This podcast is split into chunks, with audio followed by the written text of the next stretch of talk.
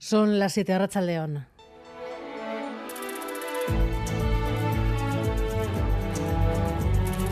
Gambara con Arancha García.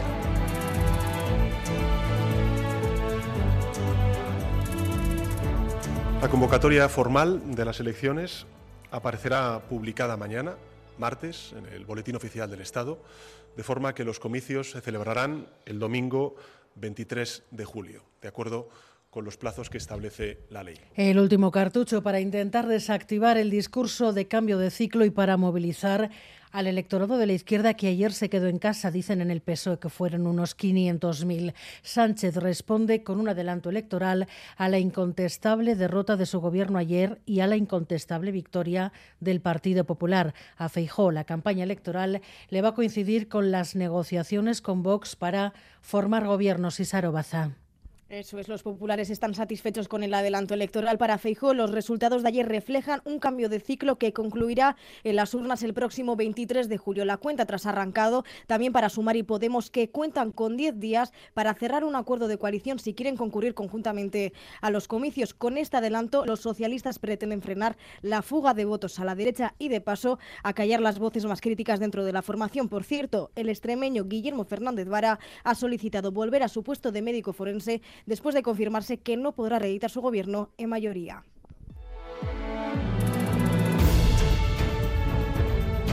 Enseguida vamos con todas las reacciones. Se anticipa otra campaña muy polarizada y eso puede influir en el margen de maniobra en las negociaciones para conformar mayorías en ayuntamientos y gobiernos forales. El PNV reconoce que no entienden el adelanto electoral, tiene que gestionar la pérdida de más de 80.000 votos ayer y tratar de que gobernar en plazas en las que ha dejado de ser la lista más votada. Su primer intento será con el PSE, pero no descartan acuerdos a tres. El voto del PP es determinante, por ejemplo, en Guipúzcoa y Atucha.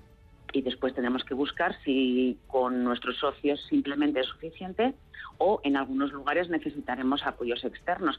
Y después eh, lo de siempre, dos eh, o tres acuerdan si todos quieren. Euskal Herria Bildu, primera fuerza en las municipales, su candidata la más votada en Guipúzcoa, en los ayuntamientos de Gasteiz e Iruña también. Arnaldo Tegui hablaba esta mañana de comienzo de un cambio de ciclo propone alianzas amplias. Estamos dispuestas y dispuestos a liderar, junto con otros y otras, este cambio social y político. Un cambio tranquilo, un cambio sereno, pero que vaya a las raíces de los problemas. Euskal Herria Bildu está dispuesto a liderar el cambio político en nuestro país, junto con otros y otras. El Partido Socialista analiza resultados esta tarde desde el diagnóstico de que son más determinantes que nunca.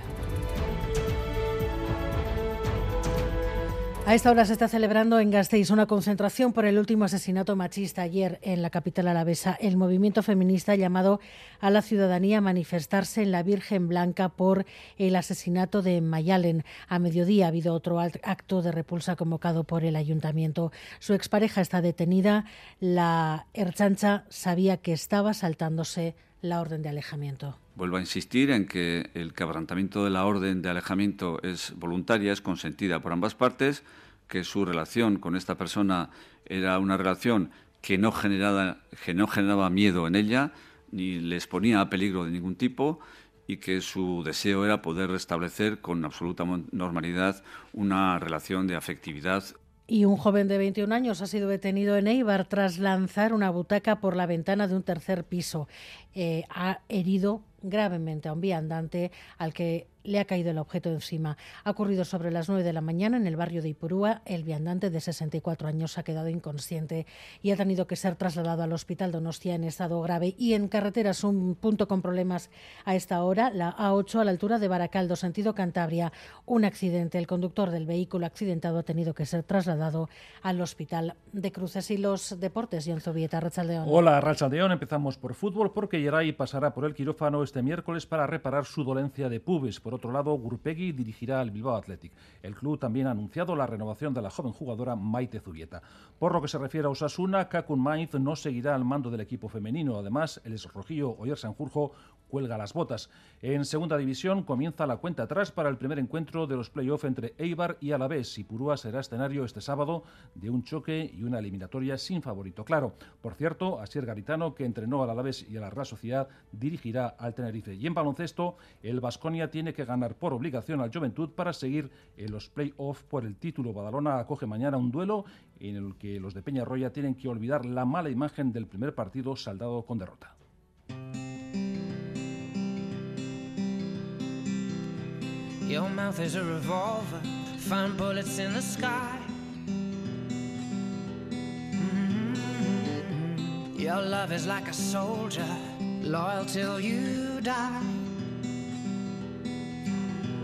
Nuestra contra hoy para Luis Llongueras. Hoy ha fallecido Gary Suárez. Sí, Luis Llongueras, que marcó una forma de hacer en la estética capilar, ha fallecido hoy en Barcelona a los 87 años de edad. Llongueras, que abrió su primer salón a los 22 años de edad, fue el primer peluquero español en difundir internacionalmente fotografías con sus propuestas de temporada, algo que entonces no era para nada habitual. Era alguien influyente en el mundo de la imagen personal, cuyos consejos se seguían con mucho interés. Alguien que defendía el estilo despeinado como algo natural. Un cabello informal despeinado, pero el despeinado, no lo olvidemos, ya nace con el corte.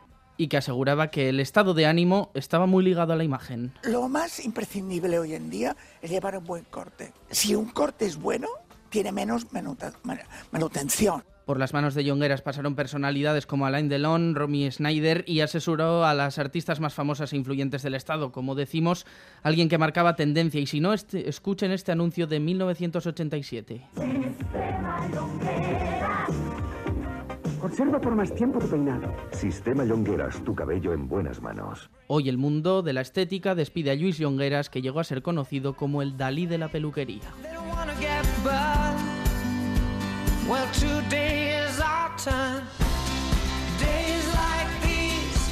Miguel Ortiz y Maitane Bujedo están en la dirección técnica, Cristina Vázquez en la producción.